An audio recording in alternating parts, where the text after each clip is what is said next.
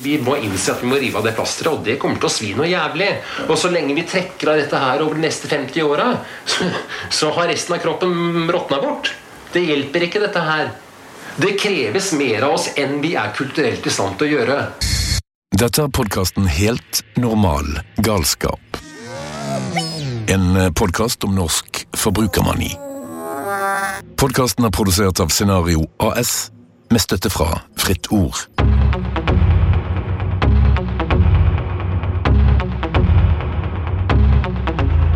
Jeg mener vi skal se til ungene, for se hva de liker å gjøre. Altså, når jeg satte poteter i min egen hage i forfjor, og så tok jeg med eh, to, to av ungene mine til å høste de potetene De skulle sett blikket der, da! De syntes det var en sånn glede. Det var som hver eneste potet de drog opp, var en eksklusiv skatt. Ja. Se her, pappa! Se her, pappa! Se på den poteta! Se hvor stor den her var, da, pappa! Altså, De var helt euforiske. Det var, det var nydelig å se på. Nå, nå eh, skal vi selvfølgelig respektere poteten. Eh, Den har gjort veldig mye godt for det landet her og for verden for øvrig. Men sånn rent sånn helsemessig så skal man jo styre unna de her potetene. De gjør oss både feite. De er full av stivelse, hele gjengen. Ja, Vi kan dyrke eh, kålrabi. Veldig bra. Mykje bedre. Veldig bra. C-vitaminer. Ja. Mm, smaker veldig godt. Jeg mener ikke at vi skal la være å spise poteter, men vi skal kanskje litt, litt bort vekk fra der karbomåltidet som er så karbodrevet. Ja. Eh, gå til grønnsakene. Eh, litt pasta innimellom, litt ris innimellom. Det, det, det, det må til, kanskje. Men eh, mest av alt, i den grad For eksempel nå, vi, vi, vi er i midten av august. I dag kunne vi gått ned i Akerselven, kjøpt oss et krepsekort, betalt 150 kroner, og skaffet middag til en par uker fremover.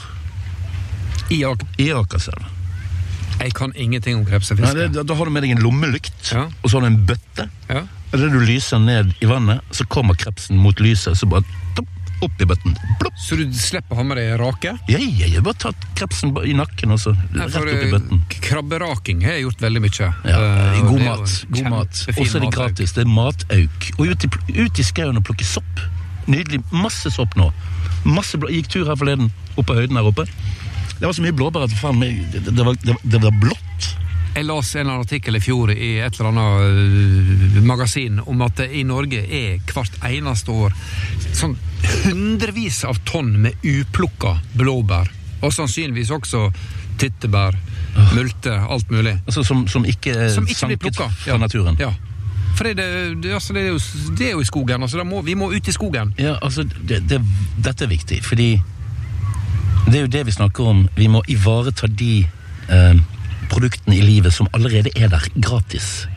Og ikke, ikke fokusere på, på det som må produseres av noen andre for at vi skal nyte det.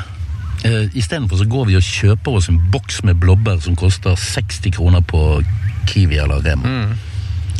Eh, Og de er hvite inni. Og de smaker ikke blåbær. nei, de er produsert i Belgia. Ja, ja, Sikkert dyrka i bomull.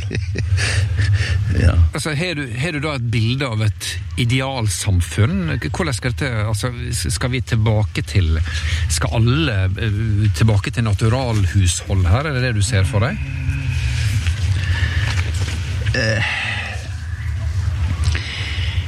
Jeg, jeg, er ikke, jeg er ikke en veldig stor optimist på vegne av menneskeheten, det må jeg si. Eh, der eh, synes jeg det er mange tegn på at det går i feil retning.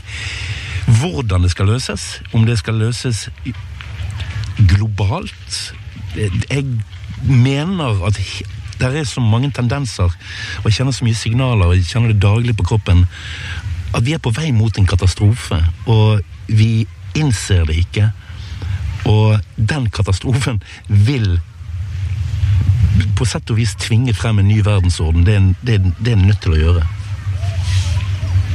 Og hvorvidt løsningen ligger der, det er jo opp til oss mennesker. Det kan være det motsatte. Det kan være Armageddon vi står overfor. Såpass dystert. Ja. Nei, Syns du det har gått i en annen retning den siste tiden? nei jeg syns for så vidt ikke det. Jeg føler jo at kloden på en måte har begynt å riste litt på seg. At kloden snakker til meg og sier 'nå må du skjerpe deg, gutt'. Du må gjerne prøve å, å, å kjøre ditt eget løp her, men jeg rister bare enda hardere Altså- på meg hvis ikke du lytter til meg. Det finnes jo mennesker, oppegående, høyt utdannede mennesker, som kommer med følgende løsning på klimaproblemet på jorden. Vi finner oss en annen klode å bo på. Jeg orker ikke den tanken. Jeg Nei, bare, det er den, så- den er så feig. Den er så feig, og Den er er- så den er helt umulig. Ja, den er umulig, og den er hjelpeløs, og den er, det, det er en fallitterklæring. Ja. Så hvis noen vil eh, forlate denne kloden, så tenker jeg ja ja, vær så god. Eh, men hva med å prøve å reparere det vi har? Og det er jo det! Der er vi inne på det. Mm. Vi kan ikke reparere noe lenger. Jeg har en liten historie, sjølopplevd. Ja. Jeg sto på Elkjøp for et par år siden Mhm. i, eh, i så, sånn eh, kundebehandlingskø. Ja.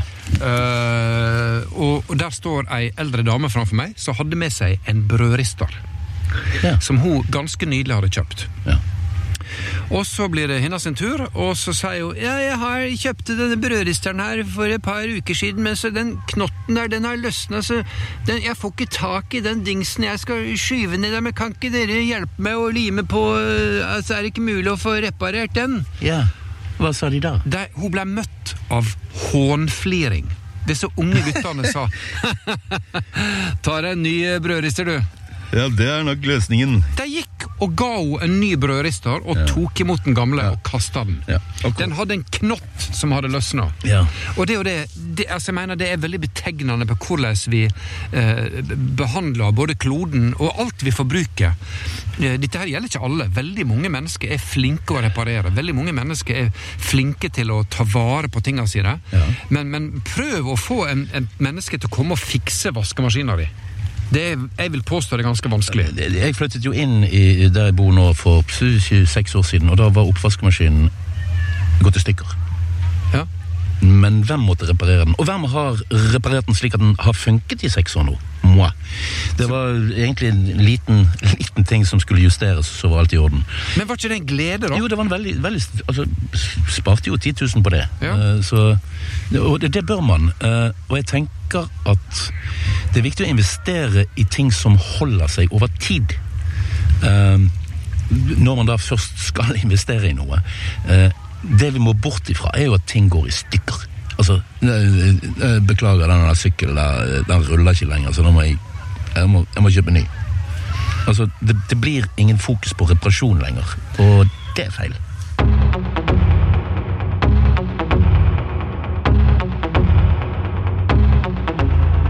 Her er Fredrik i samtale med biolog og professor ved Universitetet i Oslo, Dag Olav Hessen. Jeg vokste opp eh, på 70-tallet, jeg er født i 69, og, og jeg husker jo en, en barndom der det var veldig lite penger i omløp. Eh, Og vi hadde en drill, husker jeg, en elektrisk drill, og den gikk på omgang i, i nabolaget. Men så var det slik da at eh, hvis vi trengte motorsag, så, så lånte vi det til noen andre igjen.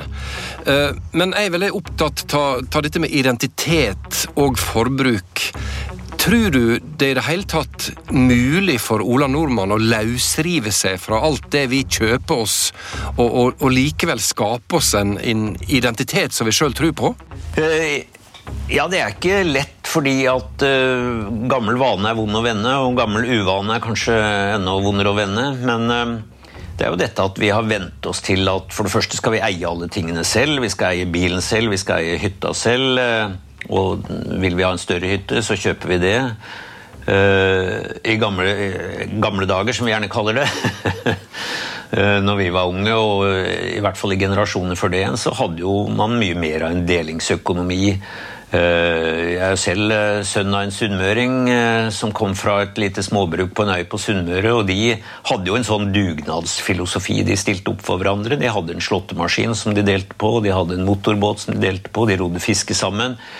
Eh, Den gang fordi de var nødt, men eh, det hadde jo noe veldig fint ved seg også, dette at man gjorde ting i fellesskap. Og selvfølgelig levde de fullstendig bærekraftig. Og en gang, kanskje fram mot eh, 1960, så økte jo den materielle Så tror jeg livsgleden også økte i takt med det materielle. Men et eller annet sted rundt der så har vi egentlig nådd et nivå hvor eh, de fleste av oss tror jeg erkjenner at vel, vi blir ikke lykkelige av veldig mange flere ting. Eh, De som hadde opplevd 30-tallet eller krigen, eh, og opplevde 60-tallet, syns jo at vi hadde en helt ufattelig materiell velstand eh, da. Ingen sultet, eller i hvert fall var det stort sett avskaffet. Folk hadde tak over hodet, mange hadde bil. ikke sant? Eh, drømmen var på en måte innfridd. Siden har jo veksten bare fortsatt fordi at systemet krever det, ikke fordi egentlig vi krever det, og fordi alle andre får mer, og da vil selvfølgelig vi være med på dette. Så det er en det er en veldig vanskelig psykologi å snu dette. Dels fordi som sagt, vi har vent oss til at vi skal ha mer å rutte med neste år, og vi vil ha like mye som naboen. Vi sammenligner også gjerne med de som har litt mer. Og Det gjør jo at altså selv den mest overbetalte aksjemegler kan jo føle seg mislykka fordi han eller hun tjener 10 millioner hvis naboen tjener 12. Så, så dette er jo eh, relativt.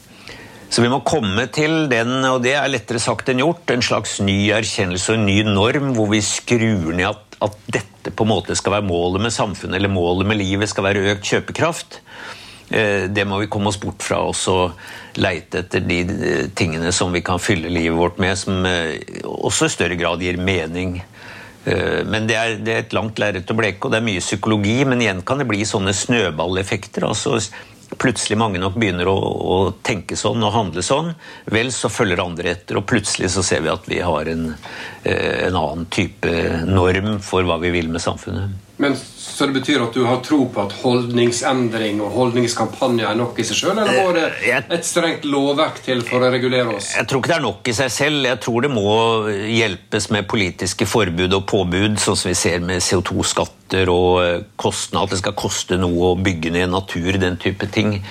Eh, men vi kommer heller ingen vei uten at alle vi som borgere er bevisst på dette, at vi er med på det. At vi for det første skjønner at dette er viktig for at jorda skal bli et levelig sted også for de som skal bo her om 100 og 1000 og 10 000 år. Såpass tidsperspektiv må vi ha. Men jeg tror også det er viktig da å erkjenne at dette behøver ikke å gå på bekostning av livskvaliteten. At det går an å leve et fullgodt liv. Selvfølgelig vi skal fortsatt ha teknologiske hjelpemidler, medisinsk utvikling. altså Det er jo ikke det at utviklingen skal stoppe, men den må skifte karakter bort fra eh, materiell eh, kvantitet til eh, mer kvalitet. Og, jeg tror vi lærte litt grann av dette under koronapandemien, hvor vi måtte sitte hjemme, oppsøke den kortreiste naturen. Eh, søke de, de, store gleder i de små ting. At eh, dette er faktisk fullt mulig. Men lett er det ikke. Men nå er det slik at vi trodde nå, kanskje mange av oss, at nettopp koronaen skulle være det heftigste den største påkjenninga vi, vi opplevde i vår levetid. Og så kom det liksom en geopolitisk situasjon som er, begynner å bli truende for sjøl oss her i Norge. Mm. Er, er vi i stand til å ta det inn over oss, tror du? Antagelig bare i begrensa grad. og Jeg tror ingen skal si at dette er lett. Eh, og det er noen ekte dilemmaer her også, også knyttet til dette med det grønne skiftet. altså det er jo veldig bra på mange måter, men hvis det grønne skiftet da innebærer at vi beslaglegger natur og må uh, utvinne sjeldne metaller fra urørt natur osv., så, videre, så er det klart at uh, vel, det har noen negative sider også. Så, og Jeg tror ikke vi skal være som sagt naive på dette. Pluss at dette er jo et typisk eh, et vestlig perspektiv. Vi kan sitte og diskutere dette, samtidig som vi jo må innse at store deler av verden lever på eller under eksistensminimum og, og har et legitimt krav på økt levestandard. Skal de ga, gå, da gå opp våre feilslåtte fotspor, eller må, må de på en måte tenke nytt? Mm. Um, men eh, ja, vi ser jo nå hvordan Kina, også fordi de har problemer med sin vannkraft, for det har vært ekstrem tørke der òg, fyrer opp sine kullfyrte kraftverk. Tyskland fyrer opp sine kullfyrte kraftverk fordi at uh, gassen uteblir. Så det er klart, når eh, krybbe er tom, bites hestene, heter det. Eh, det er ikke lett å få til. Så det kan jo hende da at vi eh, blitt påtvunget dette. At rett og slett det blir en nedgang i produksjon og konsum fordi at det ikke er mulig å opprettholde produksjonsgrunnlaget. fordi krisa overmanner oss litt. Men det hadde jo vært bedre om vi klarte å kontrollere dette selv. Og gå inn for en hva skal vi si, glideflukt mot et mer bærekraftig levesett enn at dette skal bli påtvunget oss gjennom eh, kriser og kollapser. Hva er dine tanker om nettopp for, for å ta det, norsk oljeproduksjon og i en sånn tid som vi nå er, i, der kanskje vi likevel er nødt til å holde oppe trykket for å hjelpe Europa opp imot det grønne skiftet? Ja, altså hvis alternativet til uh, norsk gass er tysk kull, ikke sant, så er jo det helt åpenbart at tysk kull er det dårligste alternativet. Så uh, jeg er heller ikke motstander av at vi i en overgangsfase kan bruke gass. Men samtidig er jo også Europa selv veldig klar på at dette må ikke bli en sovepute. Vi er nødt til å gjennomføre det grønne skiftet. Pluss at det også vil gi økt eller mindre avhengighet til Russland og andre tilfeldige geopolitiske hendelser som vi skjønner kan, kan skje øh, når som helst. Men norsk, øh, videre norsk ekspansiv oljeutvinning syns jeg helt Det er vi bare fullstendig nødt til å slutte med. Altså Oljeepoken må være over. Så kan vi ha gass en periode. Gass kan også brukes til veldig mye annet. Til hydrogenproduksjon øh, f.eks. Så Eh, gass skal vi ikke avskrive umiddelbart, men olje må vi avskrive. Også fordi at eh, Vel, man kan si at dette er symbolpolitikk. Det betyr ikke noe hva Norge gjør. Selvfølgelig betyr det mye mer hva Kina og India gjør, det skjønner alle, eller USA eller Tyskland for den del. Men det betyr ikke at det er irrelevant hva, hva, Norge gjør. Og vi ser jo dette argumentet brukt også av Bolsonaro når han hugger ned regnskog. Ja, men Norge kan ikke sitte på sin høye hest med sin oljeutvinning og India, når de eh, ønsket å svekke dette kravet om utfasing av kull, fordi de er helt avhengig av kull, eh, så var vi moralsk indignert i Norge. Men da sier eh, India med god grunn at ok, men Norge, dere sitter jo faktisk med en skyhøy levestandard. Likevel vil dere fortsette med, med olje. Ja, En seg sjøl nærmest. Ja, det er vi. Og det er, igjen da, dette koker jo mye ned til ø, psykologiske effekter. Og en sånn psykologisk effekt er jo at det er mye lettere lettere å, å ta utgangspunkt i her og nå, og jeg, enn å tenke hva vil dette bety eh, for noen ukjente generasjoner langt fram. Altså, vi er ikke flinke til å tenke langsiktig. Nei, jeg, jeg beit meg merke i et sitat jeg hørte av en kunstner i Østfold. Han heter Reidar Finsrud. Det var han som fant opp en sånn evighetsmaskin for mange år siden. Aha. Som fortsatt står og triller og går. Ja. Han sa det at vi i Norge vi kan rett og slett ikke kunsten å tenke på neste generasjon. Han sa det er først når du tenker på bygge for barnebarna, oldebarna dine og tippoldebarna dine. Da begynner vi å snakke. Nettopp. Er veldig enig, og, og, jeg tror nok kanskje vi var litt flinkere til det før, selv om det selvfølgelig alltid har vært sånn at det gjaldt eh, Går vi riktig langt tilbake, så var det jo spørsmål om å overleve til neste dag. Så hva som skjedde om eh, ti år, var helt irrelevant. Eh, men så hadde vi en periode hvor vi ja, drev med det man både metaforisk og reelt kan kalle katedralbygging. altså Man la ned grunnsteiner til byggverk som skulle bruke 100 år på å bli bygd, til glede for de som skulle leve etterpå. Man planta skoger ikke sant, til glede for kommende generasjoner. og ja, Man, man forvalta en del ting etter uh, odelsprinsippet. Men så har vi jo etter hvert som turtallet har økt, ting går fortere og fortere rundt, uh, så har ja, dels har forbruk endra seg fra å være eh, et middel til et mål i seg selv. Selve systemet krever det. Eh, og ting går raskere og raskere rundt. Og selvfølgelig har vi også, det er jo demokratiets svakhet, at uh, politikere er avhengig av å ikke gjøre seg upopulære ved dramatiske kutt. Det ser vi om igjen og om igjen. Betyr ikke at vi har noe alternativ til demokratiet. Det er jo den suverent beste styreformen. Men demokratiet har også noen svakheter som det må utfordres på. En av de er jo kortsiktigheten. Men igjen, er helt avgjørende at vi, hver og en av oss, er med på dette og ikke sitter og klager at politikerne ikke gjør nok, men straks de foreslår noe som vi føler kan ramme oss selv, så er det bremsene på. og Det går jo ikke an. Vi, vi må være med på dette. Mm. Det er jo begynt nå å spre seg eh, tanker og også konkrete handlinger der folk nedskalerer boligen sin. Mm. Folk har nå begynt å kjøpe mikrohus. Mm. Jeg så da, eh, En av biskopene i Oslo, jeg husker ikke hva hun heter, men hun har flytta i mikrohus oppe i Groruddalen. Uh, hun mente hun måtte ta ansvar og vise vei. Ja. Hva tenker du om det? Ære være biskoper og andre for det. Altså, enten man gjør dette av hensyn til skaperverket, eller man gjør det av hensyn til, eh, ut fra helt andre motiver. Eh, så syns jeg er veldig riktig reflektert. Og, og, igjen, eh, det er feil at det ikke skjer noe. Det skjer veldig mye positivt. Så, og dette er jo en av de tingene. Og igjen da ser vi at delingsøkonomien er kommet inn. Folk spør seg gjør det meg lykkeligere med større hus, og de fleste må jo erkjenne at det gjør det egentlig ikke.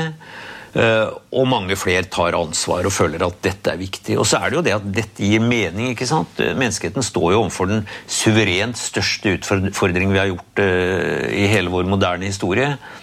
Og Hvis det er noe som kan gi mening i dag, så må det jo være å gjøre sitt bidrag til at verden skal fortsette sin ja, skjeve gang, kanskje, men ikke fullt så skjev at i hvert fall verden skal være et levelig sted også langt fram i tid.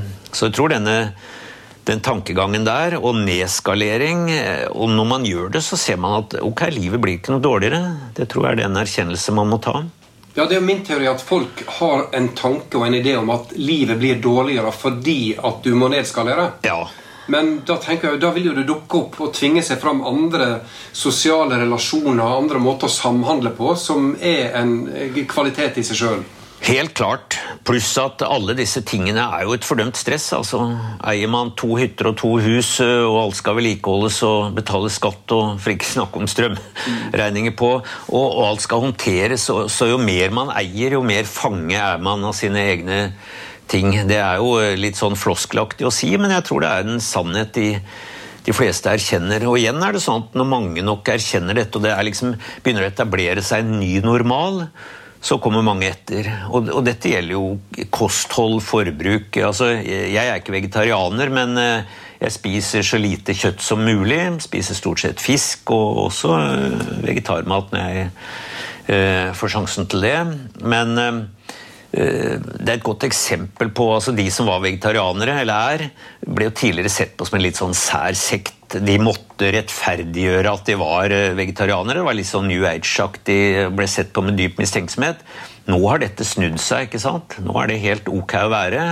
Uh, og det er de som spiser biff uh, tre ganger i uka og reiser på ovale vikener hele tida, som må rettferdiggjøre mm. sitt valg av livsstil. Så, sånne endringer i normer og holdninger og verdisett uh, er viktig. Og så tror jeg vi ofte blir fortalt at dette vil koste så veldig mye. Eh, og at det er en ruinering av velferdsmodellen, eh, det skremmer jo veldig mange også. Men samtidig, det er klart noen kostnader vil det bli. Vi kan ikke gjøre akkurat som vi har lyst til lenger. Vi kan ikke kjøpe akkurat den tingen fordi vi fortjener det, i anførselstegn, eller dra på akkurat de flyturene vi har lyst til. Eh, så noen offer blir det, men kanskje vi erkjenner at disse ofrene ikke er så store. hvis Eh, en stressende utenlandstur kan erstattes med en, eh, en tur i norsk natur. Mm. Det er jo i hvert fall min personlige erfaring. Jeg gjør det helt frivillig. Jeg bytter gjerne ut en masete, kostbar CO2-utslippende utenlandstur med med en norsk ferie. Så jeg ser ikke en Facebook-post fra deg fra Barcelona der du skriver 'Barcelona leverer'! Ja. Nei, men det er et eksempel på ting som er litt ut. ikke sant? Ja. Det var veldig inn. Nå begynner det å bli litt harry ja. å gjøre det. I, hvert fall i mange miljøer. Mm. Så ja, nettopp det at mye er psykologi, og kollektiv psykologi, er jo også noe som kan hjelpe oss, men da må det bli liksom de, de gode normene, de grønne produktene, den grønne levestilen som vinner fram. Og jeg tror folk må føle at dette er liksom ikke noe sånn traurig og livsfiendtlig. Jeg tror det er litt det også. ikke sant? Man føler at dette er litt sånn gledesløs pietisme. Mm. og det har jo ikke appell til noen av oss, i hvert fall veldig få. Eh, så man må bort fra det. Man må få fram at dette faktisk fremmer livskvalitet, og som sagt også, mener jeg, livs, livsinnhold og livsmening. Men må det ei krise til for at vi skal innse det? Ja, det tror jeg nok. Eh, eh, jeg tror faktisk det. Eh, fordi hele systemet er så rigga på videre vekst, også vi mentalt. Og som sagt denne forventningen om at treet skal vokse inn i himmelen, og det gjør som kjent ikke noe tre. Men vi må, vi må få denne brå og til dels brutale oppvåkningen som vi er i ferd med å få. Og kanskje må den bli enda mer brå og brutal. Men det er to viktige rettferdighetsdimensjoner i dette også. Det ene er jo at eh, Vel, hvor riktig er det at vi i vårt privilegerte hjørne av verden skal forbruke så vanvittig mye at vi beslaglegger ressursene for de som kunne trengt det mer? Det er jo et gammelt, velkjent etisk dilemma, men også dette at eh, vel, hvor riktig er det at vi skal eh, rykke teppet under de som skal komme etter oss? Altså, vi, vi forbruker jo nå verdens tilgjengelige ressurser de forbruker vi Hvis vi dette, eller tilordner det et kalenderår, så bruker vi eh, opp dette i midten av, eh, slutten av juli. Jeg tror det var enda tidligere. Ja, Hadde alle levd som i Norge, Ja. så hadde det vært i begynnelsen av april. ikke sant? Resten av året så lever vi på kommende generasjoners ressurser. Og det er jo et dypt moralsk dilemma, vil jeg si, for å si det forsiktig. Ja. Det begynner jo å komme, dukke opp i sånne krisetider masse proteksjonistiske tanker. og sånt. Hva tenker du om det? da? Folk er jo redde for å miste Ja da. Helt klart, det ser vi både på individuelt nivå og gruppe, altså interessegrupper, og vi ser det på nasjonalt nivå, ikke minst. At eh, nasjonalstaten begynner å vokse fram. Eh, og igjen er det dette gamle ordtaket som definitivt har noe for seg, dessverre. At nå krybba er tom, bites hestene. Men av og til er det jo også sånn at når krybba er tom, sier det samhold. Da ser man at dette må vi løse sammen. Litt sånn som man måtte, hvis vi går tilbake til eh, min fars eller min farfars oppvekst. Eh, Da måtte man løse ting sammen rett og slett for å overleve, og kanskje er det litt der vi er på vei nå. Men etter andre verdenskrig så var jo prosjektet vårt så tydelig. Landet lå i støv. Mm. Mange byer var bremt ned. Um, kan vi få til en sånn prosjektånd i Norge igjen, tror du? Har du trua på det? Vi må jo prøve, men jeg, samtidig er det helt klart det er mye lettere å få til samling rundt å gjenreise landet, som jo var viktig, og også få til materiell vekst osv. Det var jo et veldig sånn takknemlig prosjekt. For det å gi folk økt levestandard, bedre materielle vilkår, eh, ja, som sagt, gjenreise landet var jo bokstavelig talt noe veldig oppbyggelig. Mens nå føler vi kanskje at øh, vi famler litt i blinde. Ok, skal vi reversere dette? Uh, det er ikke veldig appellerende. det, altså Ingen reklame kan overleve på å appellere til mindre forbruk. Bedrifter trenger å selge mer. Uh, så det er klart, jeg tror det er mye tyngre den utviklingen vi nå har foran oss. Men samtidig er det viktig å ha det i, i hodet at vi snakker ikke nå om å reversere. Vi skal ikke tilbake til 30-tallet.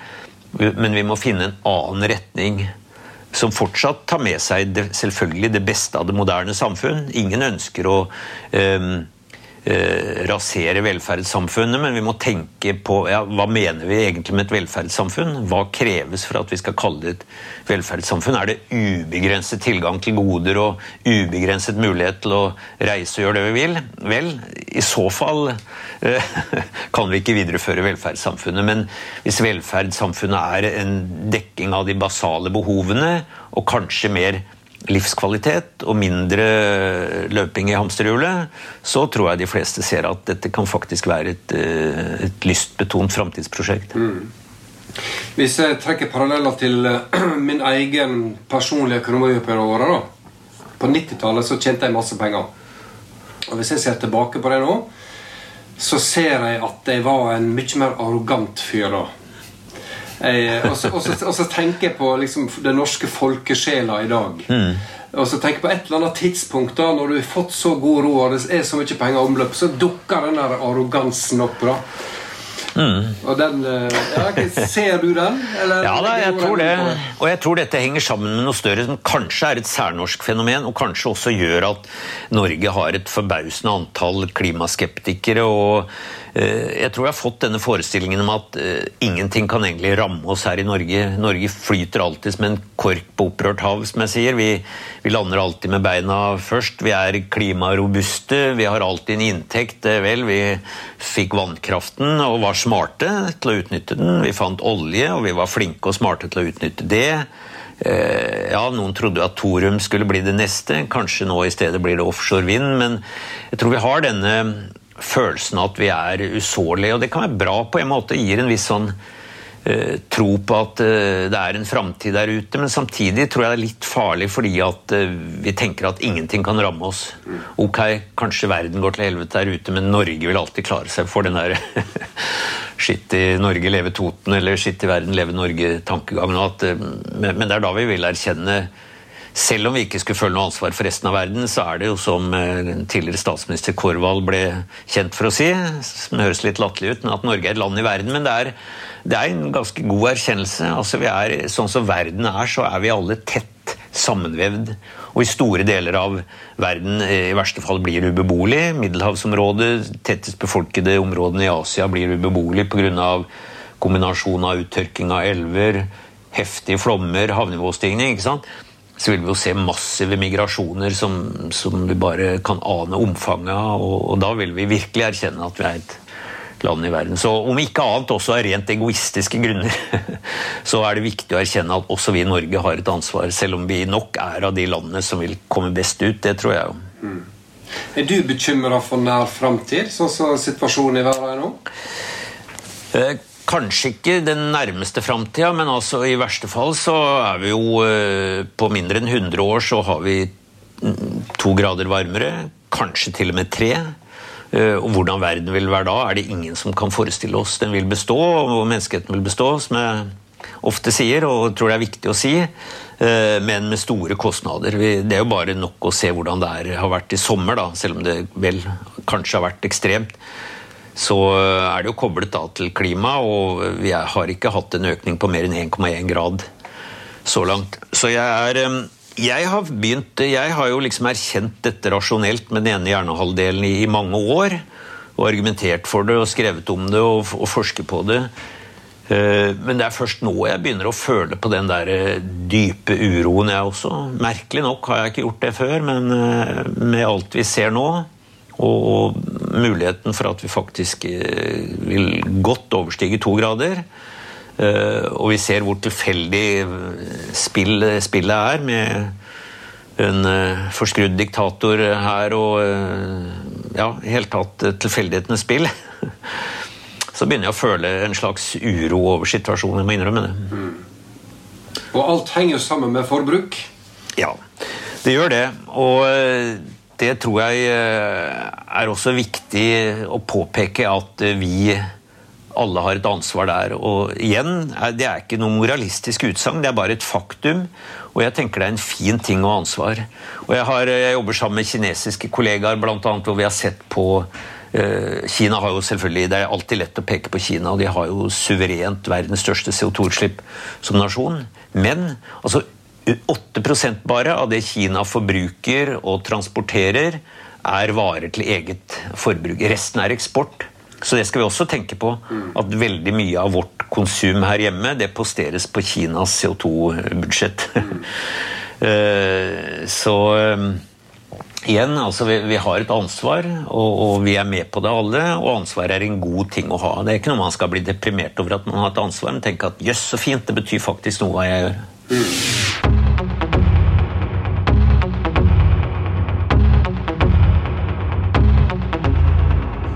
Ja, det var du som snakket med han. Takk til uh, professor Dag O. Hessen, Universitetet i Oslo. Veldig inspirerende å høre på den fyren også. Ja, Han har uh, jammen tenkt over disse sakene mer enn én en gang, tenker jeg. Ja, det virker som eh, han har et overblikk som er, som er få forunt. Og så har han sterke meninger. Og det trenger vi i dag. Vi trenger ikke eh, politikermeninger som, som bare snor seg rundt, og som er standardsvar. Vi trenger de som Ja, det er løsninger, da. Tør å slå litt i bordet. Løsninger på, på problemene. Ja. Uh, og så kan det jo synes som om politikerne er rett og slett redd for å peke på nye løsninger, fordi det kan jo faktisk resultere i at uh, det valget som kommer om en viss tid, ikke vil resultere i uh, det resultatet de aller helst vil oppnå. I neste episode møter vi sosiolog og forfatter av boken Det er nok nå. Linn Stalsberg. Jeg som kritiker, eller andre kritikere, vi har ikke bevisbyrden lenger. Den har skifta. Og de som forsvarer dagens system, kapitalismen, nyliberalismen, eh, den liksom dårlige skattepolitikken, utbyttefestene, aksjeeierskapet, finansialiseringen av økonomien, de må begynne å forklare meg hvorfor er dette så bra. Se på ulikhetene i verden, se på ødeleggelsen av natur og hav, se på dyreliv, se på de slitne menneskene rundt omkring på jordkloden. Hvorfor er dette systemet best? Jeg forstår det ikke, og bevisbyrden hviler nå på dem.